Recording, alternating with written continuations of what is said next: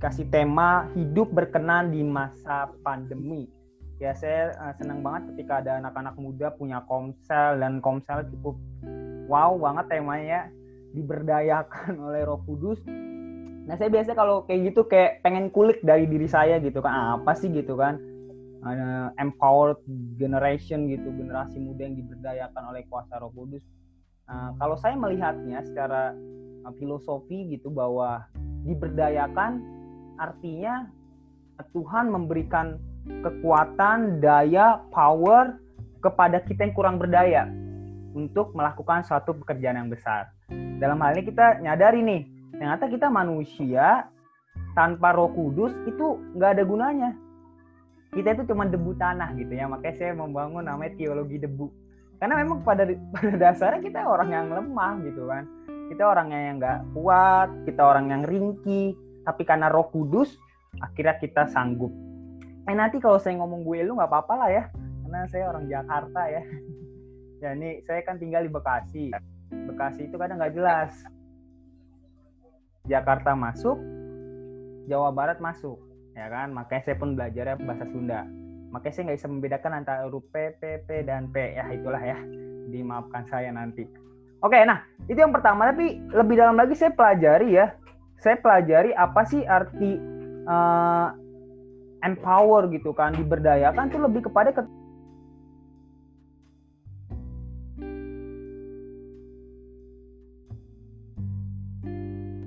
Oke, kedengaran ya, sorry. Nah, yang kedua adalah kalau kita diberdayakan oleh Roh Kudus itu apa? Standar hidup kita beda.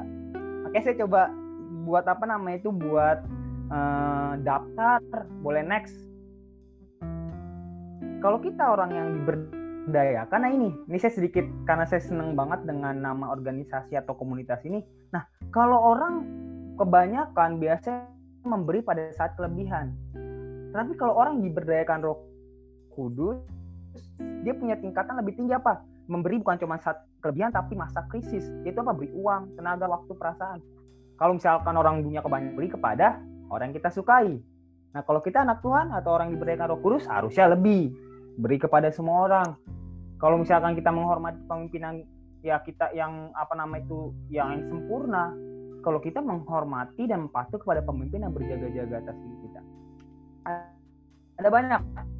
Coba kalau mengasih sahabat yang sepikir, kira-kira kalau kita yang diberikan Roh Kudus apa tuh? Kerja untuk mendapat uang. Kalau kita apa? mengupload status medsos ya kan tentang masa badi. Atau kita wah kalau saya mah diberikan roh kudus nggak status pribadi bang tapi alkitab. Terus tujuannya buat menyinggung orang ya sama aja ya. Itu lebih parah ya. Ya tapi itu harus beda. Apalagi boleh next saya cuma apa nama itu supaya uh, membuat daftar ya. Membicarakan seseorang di belakang tanpa memikirkan kemajuan orang tersebut. Nah itu saya pelajari membicarakan orang itu boleh. Tapi tujuan itu kebangun. Nggak cuman ah dia nih emang nih aduh kalau bisa jangan hidup lah dia itu kan jangan. Tapi ada tuh kita pengen dia maju. Apalagi malah kalau orang dunia otaknya cuma gini mengalami kenaikan dalam dunia kerja atau pendidikan harus segala macam. Tapi kita beda. Baru apa setia ketika mendapat keuntungan pribadi memaafkan jika ada orang salah atau minta maaf lebih dahulu gitu kan. Itu orang kebanyakan seperti itu tapi kita berbeda itu pembukaan dari saya ya pembukaan udah lama banget ya. Oke nah teman-teman hari ini satu tema yang bagus banget diberikan kepada saya yaitu mengenai berkenan di masa pandemi. Ya di masa pandemi. Pertanyaannya kira-kira ini membahas berkenan di mana nih? Karena nggak dijelasin berkenan kepada siapa. Karena berkenan itu bisa kepada manusia bisa ke Tuhan tapi bisa ke iblis juga. Jadi jangan bilang berkenan itu cuma kepada Tuhan iblis juga malah iblis tuh paling suka kalau ada iblis tuh seneng banget berkenan banget sama anak Tuhan tuh. Serius. Iblis tuh lebih senang kalau apa namanya ya pengen banget gitu anak Tuhan jadi temennya dia gitu. Ya, apalagi orang yang diberdayakan Roh Kudus jadi temennya dia tuh iblis seneng banget gitu karena pertanyaannya itu berkenan di hadapan siapa? Nah ternyata kalau saya pelajari bahwa kita tentunya tidak inginlah berkenan di hadapan iblis ya tentulah. Tapi mari kita ngangkat lebih tinggi lagi kita harus berkenan juga di hadapan teman kita, sahabat kita, dan juga bagaimana kita berkenan di hadapan Tuhan tentunya. Ini teman-teman bilang ngaco nih Bang Anggi nih. Masa berkenan di hadapan manusia boleh next. Ini teman-teman aku bilang kayak gini Galatia 1 ayat 10. Jadi bagaimana sekarang? Adakah aku cari kesukaan manusia atau kesukaan Allah? Ya kan artinya berkenan kesukaan itu kan. Adakah aku coba berkenan kepada manusia? Sekiranya aku masih mau mencoba berkenan kepada manusia, maka aku bukanlah hamba Kristus. Langsung teman-teman bilang, pokoknya aku berkenan di hadapan Tuhan aja. Manusia bodoh amat, ya kan? Yang penting berada di hadapan Tuhan karena nggak penting disukai banyak orang yang penting disukai Tuhan. Nah kerap kali kita gitu tuh langsung tuh? Makanya kerap kali orang Kristen waduh ditolak. Satu tokoh Mahatma Gandhi ya kan? Orang apa nama itu orang India. Dia bilang kayak gini sebenarnya Tuhan Yesusnya sih keren bagus tapi orang Kristennya karena gini ya yang penting aku berkenan di hadapan Tuhan melayani tapi di hadapan manusia tidak demikian Lalu bagaimana? Nah, kita akan belajar bersama-sama ya. Ini pembukaan aja ya. Oke, boleh next. Masih pelajari teman-teman. Aku pelajari bahwa berkenan itu KBBI bilang berkenan berasal dari kata kenan. Ya, yang berarti merasa senang, suka, sudi, setuju. Nah, kalau dijadikan kata kerja, maka berkenan adalah tindakan mengizinkan, menyetujui, memperboleh. Boleh next. Kalau bahasa ini kalau dari Alkitabnya, arti kenan itu artinya apa? Disenangi, ya cenderung baik bergaul ya kalau kata bergaul langsung otak kita langsung tek henok nah ya saya yakin kayak begitu boleh next kalau Yunaninya berkenan ya kalau bahasa Yunaninya adalah aresta yang artinya menyenangkan next maka dapat saya simpulkan bahwa berkenan adalah suatu kehidupan secara menyeluruh yang diizinkan, diperbolehkan, dan disenangi untuk dilakukan di hadapan Allah, bahkan manusia. Jadi itu kehidupan kita yang menyeluruh, bukan cuma di gereja tapi menyeluruh yang diizinkan, diperbolehkan bahkan disenangi untuk dilakukan di hadapan Tuhan bahkan manusia. Nah, ini ini ini menjadi suatu catatan bagi kita bersama. Nah, ada satu janji di pengkhotbah boleh next yang pasti orang sangat suka dengan kata dikenan. Dikatakan karena kepada orang yang dikenannya. Wow, ia mengaruniakan hikmat, apalagi pengetahuan dan kesukaan. Tetapi orang berdosa ditugaskannya untuk menghimpun dan menimbun sesuatu yang kemudian harus diberikan kepada orang yang dikenan Allah. Wih, mantep banget nih. Menuai tanpa menabur, ya kan? Orang yang kerja, orang berdosa yang kerja, kita yang nabur gitu. Eh, kita yang nuai gitu kan. Ini pun kesia-siaan dan usaha menjaring angin kata pengkhotbah demikian. Tapi orang kerap kali ketika melihat ayat ini langsung berpikir, wih seru juga nih ya keuntungan besar kalau jadi berkenan di hadapan Tuhan. Bahkan lebih hebat lagi dikatakan bahwa dengan kita berkenan kepada Tuhan maka kita bisa menuai apa yang tidak kita tabur. Ya memang pada dasarnya demikian. Tapi mari kita akan belajar bagaimana atau apa itu berkenan. Nah Yesus sendiri pun pernah mengatakan next bahwa dirinya selalu melakukan apa yang Tuhan izinkan untuk dilakukan. Dengan kata lain, dia melakukan all seluruh kehendak Bapa dalam hidupnya. Maka dikatakan aku senantiasa berbuat apa yang berkenan kepada Dia. Itu dikatakan Yesus. Lalu pertanyaan kita, pertanyaan pertanyaan kepada kita, ya, yang menjadi perenungan dalam hidup kita, apa sih kehendak Tuhan dalam hidup kita? Pertanyaannya apa sih kehendak Tuhan dalam hidup kita? Ya, apa nih kehendak Tuhan? dalam hidup kita. Lalu kita kan selalu bilang, ya kehendak Tuhan bagaimana supaya kita menjadi sempurna seperti Bapa. Yes, betul.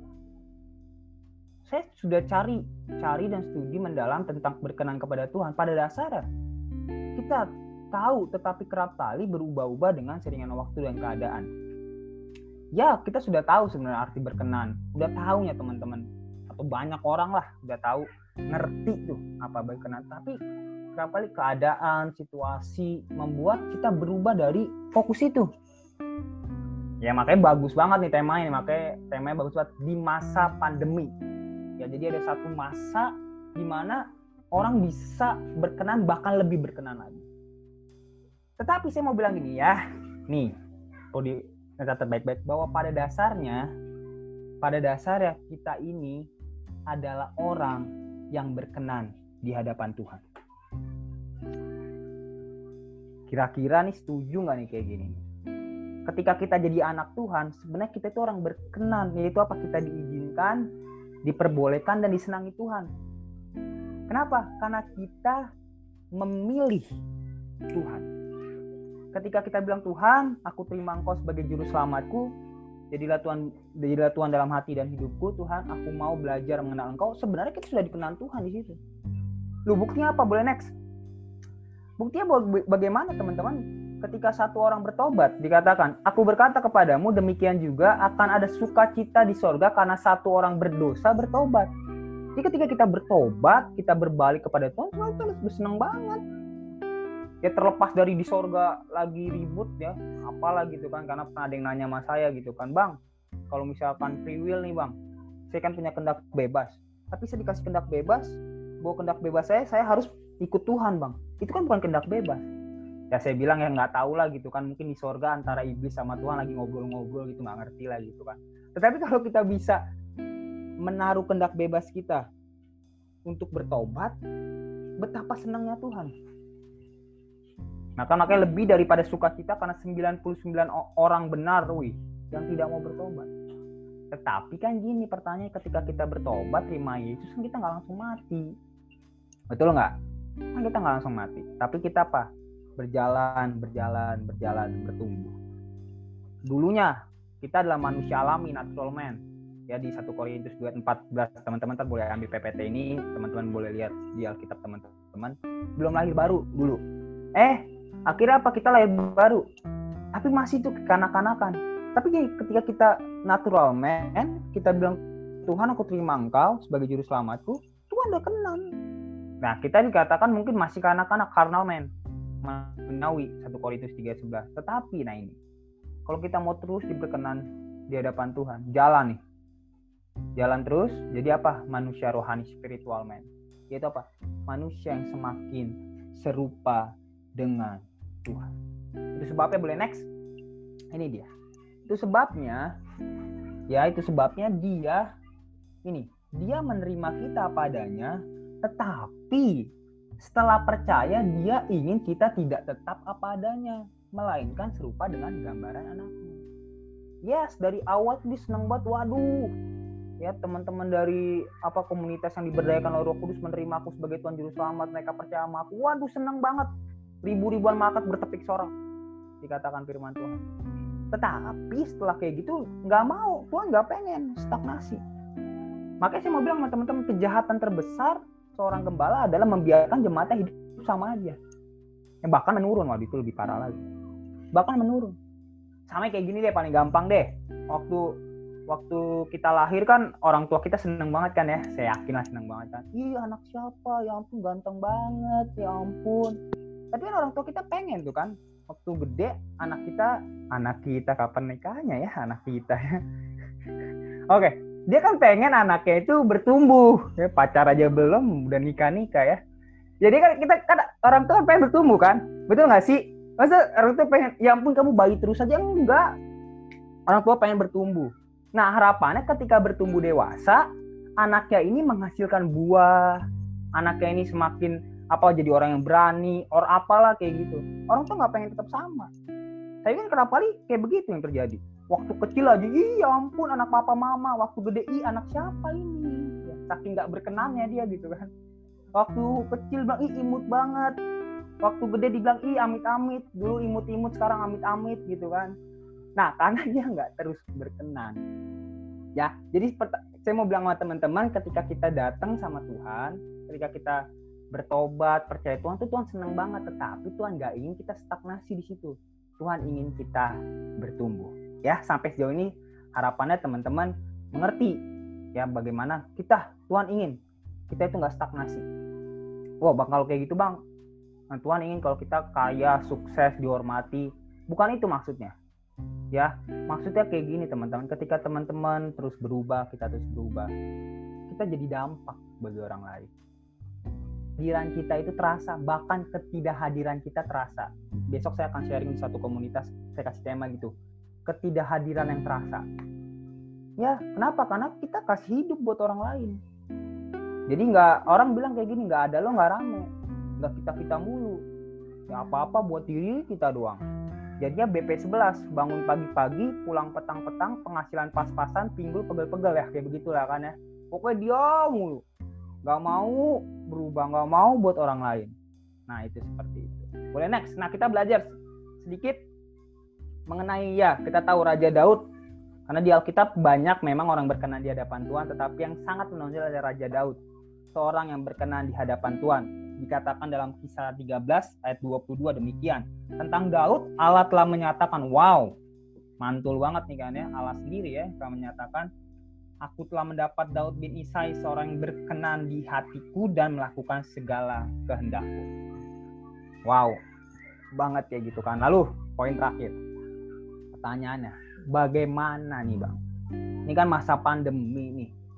Ya stay at home ya walaupun udah mulai normal nih. Bagaimana nih kita tetap berkenan dan terus berkenan di masa pandemi? Boleh next? Yang pertama ini dia. Tetap hidup di dalam iman tetap hidup di dalam iman. Penting sekali bagaimana teman-teman di situasi kayak gini kita hidup dalam iman. Ya kita akan tahu bagaimana iman adalah dasar segala sesuatu dari dasar dari segala sesuatu dan bukti dari segala apa bukti ya. Ya dasar segala pengharapan dan bukti dari segala sesuatu yang tidak kita lihat. Ibrani 11 ayat 1 di Ibrani 11 itu kan banyak tuh. Kurang lebih saya pelajari ada 20 tokoh yang dikutip karena imannya ya kan iman yang luar biasa. Dan salah satunya juga Daud. Daud adalah orang yang dikatakan beriman. Dan ini penting banget. Ini penting banget. Kenapa? Boleh next. Karena firman Tuhan bilang gitu. Tetapi tanpa iman tidak mungkin orang berkenan ya kan? Nggak mungkin orang diizinkan lah. Nggak usah nunggu kata disukai lah. Diizinkan. Atau ibaratnya mungkin itu tadi disukai kepada Allah sebab barang siapa berpaling kepada Allah ia harus percaya bahwa Allah ada dan bahwa Allah memberi upah kepada orang yang sungguh-sungguh mencari Dia. Inilah iman, bukan cuma percaya Yesus loh, tapi apa? Dia percaya akan maksud baik Tuhan. Karena dia bilang apa? Sungguh-sungguh mencari Dia. Dia tahu nih kalau aku sungguh-sungguh sama Tuhan pasti ada something. Oke, itu tadi ya tidak terbaca ya. Oke, boleh next. Sorry maaf. Ya ini, ini Daud ya. Sorry ya tadi ini mengenai Daud. Bagaimana Daud berkata waktu aku takut aku ini percaya kepadamu. Ya yaitu sekalipun ayahku dan ibuku meninggalkan aku namun Tuhan menyambut aku. Itu bagaimana pernyataan iman Daud? Boleh next yang tadi. Yang uh, Ibrani 11 ayat 6 itulah iman. Bagaimana dia berpusat kepada Allah dan menghidupi segala firman dia sungguh-sungguh. Even atau keadaan pandemi mungkin dia ngadepin kerugian tapi dia tetap Tuhan. You are my everything. You are more than enough. Seringkali kita kan kayak gitu kan. Memang keadaan atau ya kondisi kita nggak menentu tapi kerap kali bagaimana ketika ada masalah yang nggak nggak sesuai ekspektasi kita langsung tuh mulai. Mungkin imannya nggak mundur nggak aku nggak percaya Tuhan Yesus Tuhan Yesus nggak ada. Walaupun ada beberapa kayak gitu saya ngadepin. Karena memang ya perkembangan zaman teknologi terbuka banyak teman-teman saya jadi agnostik agnostik kan gitu kan percaya Tuhan eh, eh sorry percaya Tuhan tapi nggak percaya agama seperti itu. Waktu saya banyak banget saya hadapin. Makanya nanti uh, saya ada diminta seminar di dari STT STT Battle Medan ya saya bikin dinamika ketuhanan dalam masa pagebluk ya. Bukan Tuhan yang ber, berdinamika tapi kerap kali manusia yang berdinamika.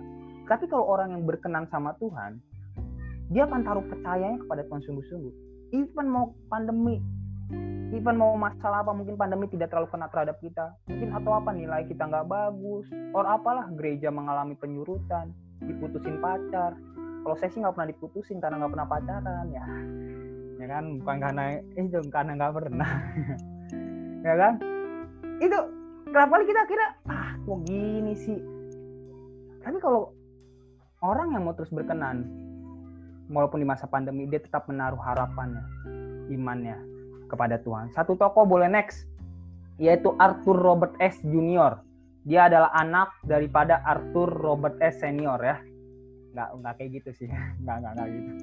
Terus saya juga bingung ya, kenapa sih orang luar negeri itu ada juniornya, ya ampun gitu kan ya. Orang luar negeri, apalagi orang barat tuh kadang juga songong juga, manggil nama orang tuh pakai nama. Ya kalau kita kan manggil orang tua tuh bu bapak kalau dia nggak pakai nama. Tur tur tur ya. Anak kecil manggil dia tur tur ya kan? Arthur maksudnya gitu kan. Ya itu mungkin budaya di sana. Nah jadi gini dia ini adalah seorang petenis yang luar biasa. Ya, teman-teman bisa searching dan mungkin teman-teman pernah dengar cerita ini. Petenis luar biasa. Ngejuarai Wimbledon Open. Baru dia menjuarai juga apa turnamen uh, Grand Slam. Dia menjuarai juga Bekasi Open kayak gitu kan. Siapa tahu gitu kan pokoknya ini hebat banget lah gitu kan. Tapi dalam masa puncaknya dia kena satu penyakit yaitu heart attack serangan jantung. Ya dan singkat cerita bagaimana ketika dia kena serangan jantung dia butuh transfusi darah lah kayak gitu. Eh tetapi ketika dia eh, transfusi atau cek darah eh bukannya sehat dia malah apa? Kena penyakit yang mematikan HIV-X HIV-H bisa bayangin nggak tuh? Kalau orang dunia bilang udah jatuh ketimpa tangga lah kayak gitu. Itu bayangin tuh tapi di masa puncak karir ya lalu ada fans yang ngomong bukan ngomong dia nulis surat kepada Arthur dia bilang kayak gini mengapa Tuhan memilihmu untuk menderita penyakit itu?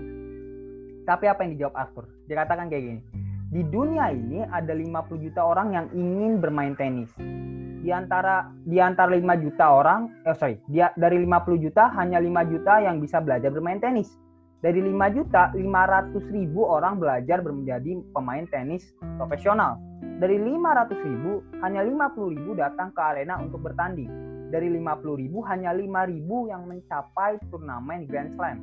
Dari 5 ribu hanya 50 yang berhasil sampai ke Wimbledon. Dari 50 hanya empat orang ke semifinal. Dari empat hanya dua yang ke final dan di final dia juara. Boleh next tapi apa yang dikatakan dia? Wow ini menggugah saya banget. Dikatakan dan ketika saya memenangkan pertandingan dan mengangkat trofi kemenangan saya tidak pernah bertanya kepada Tuhan why me Lord? Kenapa saya? Jadi ketika saya mengalami kesusahan atau kesakitan tidak seharusnya juga saya bertanya kepada Tuhan why me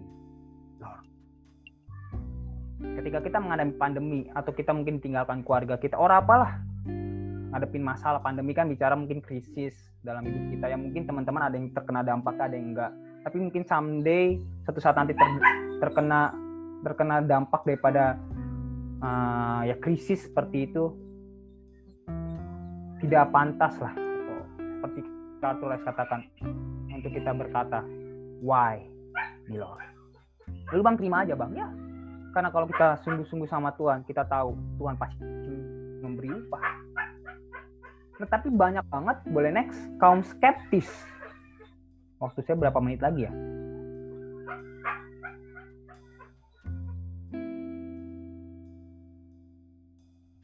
Oke, waktu saya mungkin di chat berapa menit lagi. Oke, tapi kaum skeptis bilang kayak gini, mengapa Tuhan begitu mempersulit ya kan? Mempersulit kita untuk percaya kepadanya kalau saya mencintai seseorang dan punya kuasa tidak terbatas, saya akan menggunakan kuasa itu untuk menunjukkan diri saya lebih jelas lagi. Kenapa sih Tuhan begitu sulit? Begitu mempersulit kita untuk melihat kehadiran serta rencananya. Kenapa nih? Kok aku doa nggak dijawab sih? Ini Tuhannya tidur atau apa nih? Itu mah zaman Elia ya kayak gitu ya waktu Elia yang ledekin 450 Nabi Baal. Itu, itu orang skeptis akan seperti itu. Tapi kalau kita anak Tuhan, apalagi generasi yang diberdayakan oleh Roh Kudus, kita bilang everything is okay. Semua akan baik bagi orang yang mengasihi Dia. Itu yang pertama, boleh next. Yang kedua, tetap hidup di dalam kerendahan hati. Wow. Uh, boleh next. Uh, bagaimana Daud berkata demikian? Kasihlah aku, bersihkanlah aku. Bagaimana Daud sangat rendah hati ketika dia ditegur ditegur dalam melakukan kesalahan, dia langsung minta ampun. Nah, teman-teman, saya mau bilang kerendahan hati adalah kunci besar untuk kita berkenan di hadapan Tuhan dan manusia juga. Hal ini karena dengan kerendahan hati, seorang mau terus-menerus ditegur, diperbaiki, dan ini dia. Mau terus-menerus untuk belajar mengenal Tuhan. Ini nggak mudah sama sekali. Karena kita harus menjatuhkan ego kita, harga diri kita. Merasa diri paling pintar, merasa diri paling bisa, atau merasa diri tidak butuh orang lain. Ini dia. Tapi kalau kita dikatakan mau berkenan pada masa pandemi ini, ayo. Kerendahan hati itu apa tentu? Mau ditegur yang kedua apa belajar. Saya sampai saat ini terus belajar terus belajar. Sampai saya greget dengan otak saya saya bilang sebelum saya baca buku teologi saya harus baca Alkitab dulu. Rapai kan orang kayak gitu kan udah banyak belajar kira Alkitab tinggal no saya butuh firman Tuhan. Itu. Nah ketika saya mau bilang kenapa butuh kerendahan hati? Karena kerap kali kita bisa salah gitu ya. Maaf ya mungkin kita bisa salah kita juga bisa bodoh. Bahkan mungkin ya bisa karena kesalahan kita juga mungkin karena orang lain atau apalah gitu. Tapi ketika kita bodoh ketika kita jatuh lah tanda kutip please jangan berhenti bangkit lagi. Sepanjang memang hati kita terpaut sama dia dia bisa mengubahkan yang menjadi kebaikan. So ayo teman-teman kalaupun di belakang ada kekurangan kesalahan jatuh atau apa jangan kecewa tapi bangkit lagi. Karena saya, saya percaya kayak gini beda antara jatuh beda antara hidup. Ya analogi paling simpel gini deh. Kalau orang beda orang hidup di comberan sama orang jatuh ke comberan. Tahu ya comberan ya? Got kayak gitu. Kalau orang jatuh ketika jatuh auto bangun. Ya kalaupun dia nggak bisa nih kalau misalkan dia nggak bisa bangun dia, dia minta tolong. Tolong tolong lontong lontong. Eh makanan itu ya akan berusaha lah gitu. Bagaimana caranya keluar daripada comberan itu? Itu orang jatuh. Tapi orang hidup. Udah ada tuh. Dinikmatin tuh comberan tuh. Yang kita bilang bang emang ada bang? Apa namanya itu orang yang menikmati comberan? Ya kita jawab sendiri. Jangan-jangan kita juga kayak gitu. Kita loh ya DTI aku bilang kita artinya aku pun mau terus belajar loh gitu kan itu kalau kita jatuh ya bangkit lagi kita salah oke 15 menit lagi sip bangkit lagi tapi jangan stop jangan berhenti please anak-anak muda jangan berhenti Jangan pernah berhenti kalaupun kita jatuh dalam dosa yang sama, please jangan berhenti bangkit lagi, bangun lagi. Rendah hati bilang Tuhan, salah aku Tuhan. Aku pakai pikiranku doang Tuhan. Aku cuma pakai perasaanku doang Tuhan. Hari ini aku balik lagi Tuhan. Saya pernah mengalami kejahatan yang luar biasa sedikit sharing. Ya mungkin bukan bicara dosa, tapi ini saya pikir dosa yang besar. Buat saya itu apa? Saya ateis praktis. Karena saya belajar teologi mengenai Tuhan. Akhirnya saya bilang, ada nggak sih Tuhan? Serius, saya pernah sampai di masa itu satu bulan saya kayak gitu saya khotbah nangis semua orang tapi saya kosong emang ini orang nangis gara-gara apa gitu kan? Tapi saya sendiri kosong tuh. Makanya akhirnya saya ngerti. Makanya Daud bilang kayak gini semua boleh kau ambil tapi jangan rohmu itu saya ngerti banget akhirnya gitu. Kayak kering banget. Tapi kok bisa orang nangis?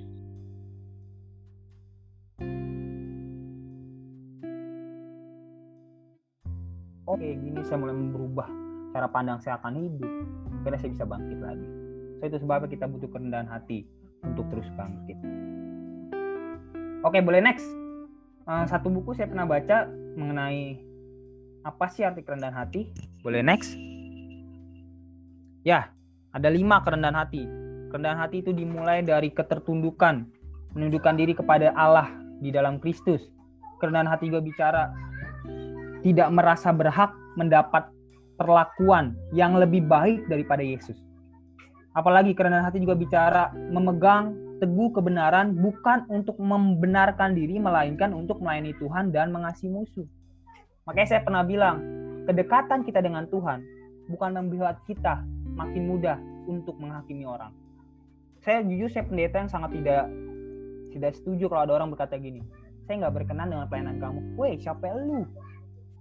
misalkan contoh nih Samuel habis melayani nih Samuel kan habis melayani main keyboard. Lalu saya bilang Samuel saya nggak berkenan di hadapan eh kamu perlainan kamu tidak berkenan. Lah. Kalaupun benar nih kalaupun benar nih Samuel nggak berkenan ya siapa kita gitu kan. Makanya saya selalu bilang uh, kedekatan kita dengan Tuhan bukan melegalkan untuk kita mudah menghakimi orang. Yang keempat, menyadari bahwa bergantung pada anugerah untuk seluruh pengetahuan dan kepercayaan. So, kalau kita pinter, kita semakin percaya dengan Tuhan yang tadi pertama iman kita kita iman kita tetap kuat itu pun anugerah dari Tuhan dan terakhir ini dia mengetahui bahwa dia tidak bahwa dia tidak sempurna dan terus menerus mau belajar. Terakhir bagaimana kita hidup di masa pandemi? Boleh next tetap hidup berbuah. Next Daud berkata kecaplah dan lihatlah. Boleh next betapa baiknya Tuhan itu. Berbahagialah orang yang berlindung padanya. Tahu gak sih? Itu tulis kayak gini tuh bukan ketika dia di dalam masa yang enak. bukan lagi nonton TV gitu ada wifi tinggi wifi kenceng. Lalu ya tiba-tiba dayang-dayangnya datang bilang cucu cucu cucu Daud gitu kan layanin anggur ya. Saya bingung kenapa kerajaan selalu apa apa namanya itu kuat juga dengan anggur gitu kan kasih makan. Enggak. Daud ketika ngomong kayak gini ketika dia di gua Adulam. Ketika kapan? Ketika dia diserang atau maaf dikejar-kejar oleh Saul tapi dia bilang kayak gini kecaplah dan lihatlah betapa baiknya Tuhan itu. Berbahagialah orang berlindung padanya. Wow. Luar biasa banget kan? Kayak gini nih bayangin. Gembala kita nih gembala kita nih pendeta gereja kita nih tekan kita. Bilang ah lu bodoh lu. Sekolah teologi tapi nggak makin kenal Tuhan. Kayak gitulah. Ah lu nggak guna di gereja ini.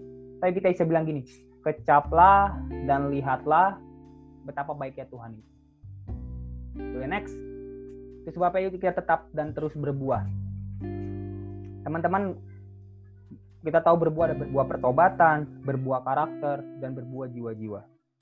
Berbuah pertobatan kita percaya lahir baru satu kali bertobat tiap-tiap hari. Berbuah karakter jadilah se jadilah seseorang. Saya nggak kelihatan ya. Jadilah seseorang yang ketidakhadiran terasa. Ayo perbaiki kita tahu buah roh. Yuk.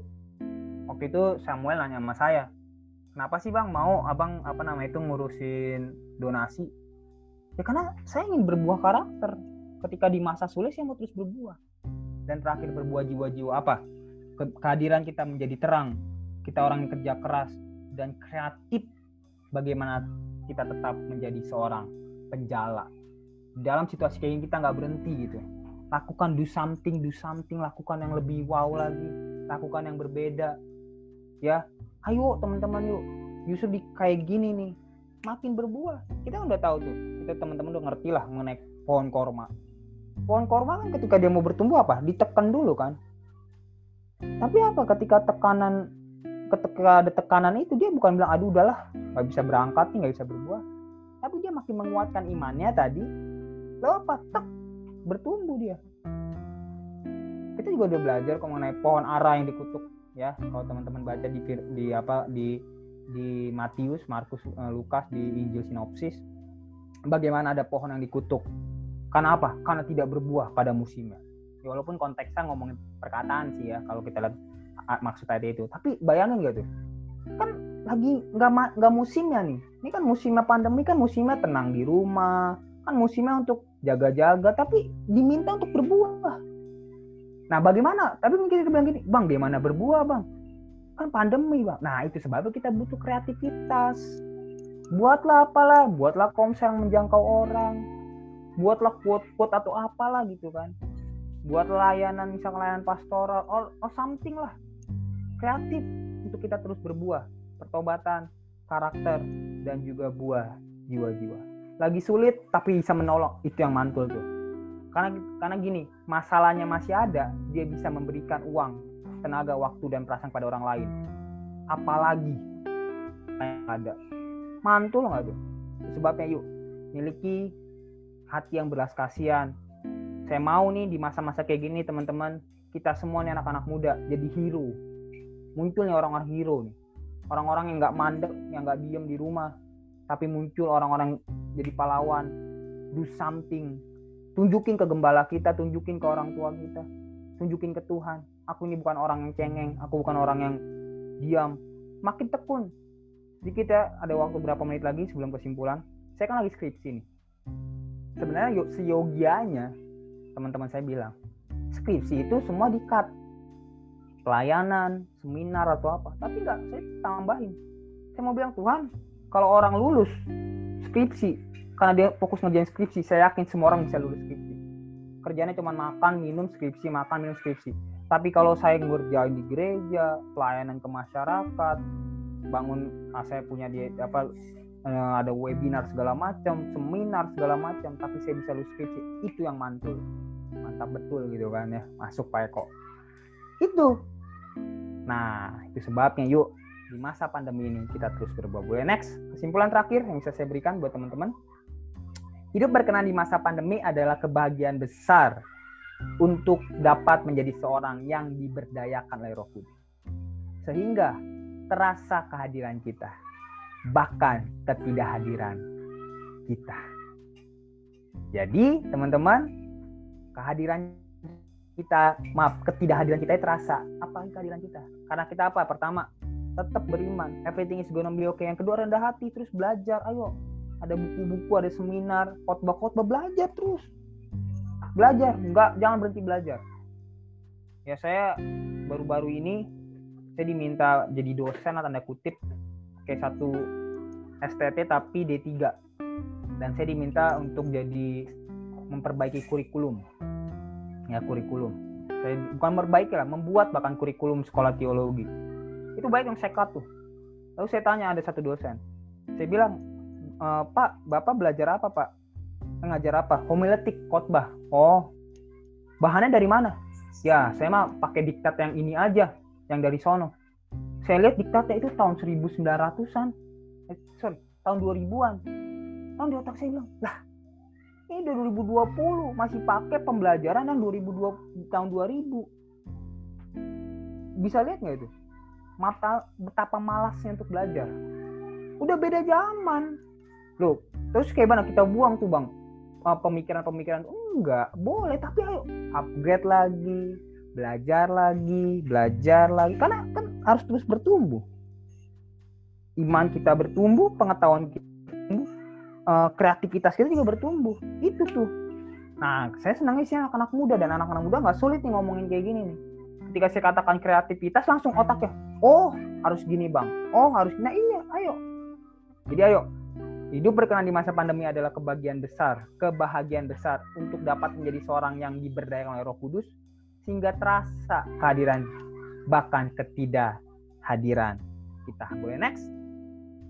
So God bless teman-teman, teman-teman untuk hari ini sekali lagi yuk miliki sikap hero, miliki sikap belas kasihan, terus belajar untuk kita berkenan di hadapan Tuhan dan di hadapan manusia juga. Karena apa? Karena kita terus beriman, kita terus rendah hati dan terakhir kita hidup dalam tetap dalam berbuah. Yuk bangkit, teman-teman mungkin ada salah kurang yuk bangkit lagi. Ya jangan lama-lama di situ, jangan lama dalam kesalahan, jangan lama-lama dalam kebencian tapi bangkit. Oh ya sedikit belum terakhir karena saya saya tadi berapa ya, dua hari yang lalu saya searching searching lah kan belajar belajar mengenai ini Beelzebul. Ternyata Beelzebul saya pikir artinya apa gitu keren gitu kan Beelzebul Ternyata Beelzebul itu artinya apa tau nggak? Dewa lalat. Serius. Maksudnya Baal dan Jepub. Baal itu dewa atau ya bisa suami dia tapi dewa. Jepub itu lalat. Jadi Beelzebul itu dewa lalat gitu. Ya, dan kita tahu lalat itu kan suka dikotor-kotor, kotor-kotor. Nah, itu sebabnya kayak gini maksud saya kalau kita masih ada dosa, masih ada namanya kebencian, ayo keluar jangan berkenan di hadapan iblis. Karena kalau kita tetap pegang itu artinya kita berkenan di hadapan iblis. Kita jadi uh, kita biarkan Beelzebub itu kekotoran itu ada sama kita comberan itu ada sama kita. Tapi kalau kita bangkit kita berkenan di hadapan Tuhan. Bahkan pun kita juga bisa berkenan di hadapan manusia. Amin. Yuk kita bersatu dalam doa. Bapak kami sudah belajar uh, sebagian mengenai berkenan di masa pandemi Tuhan. Kami anak muda nggak mau diem tapi kami mau bangkit Tuhan. Sama seperti Daud, ketika ada masalah, ketika ada tekanan, dia tetap beriman kepada Tuhan, bahkan memperkuat imannya Tuhan. Dan dia terus rendah hati ketika ada teguran. Ajari kami rendah hati, dan ajari kami juga untuk terus belajar Tuhan. Dan terakhir kami mau terus berbuah, sama seperti Daud Tuhan. Ketika orang tua yang tidak memikirkan dia, tapi dia tetap maju, tetap berbuah, berbuah kesabaran, bahkan berbuah ide-ide kreatif, pikiran-pikiran, jiwa-jiwa Tuhan di dalam nama Yesus. Materaikanlah firman-Mu dalam hati dan pikiran kami. Haleluya. Amin.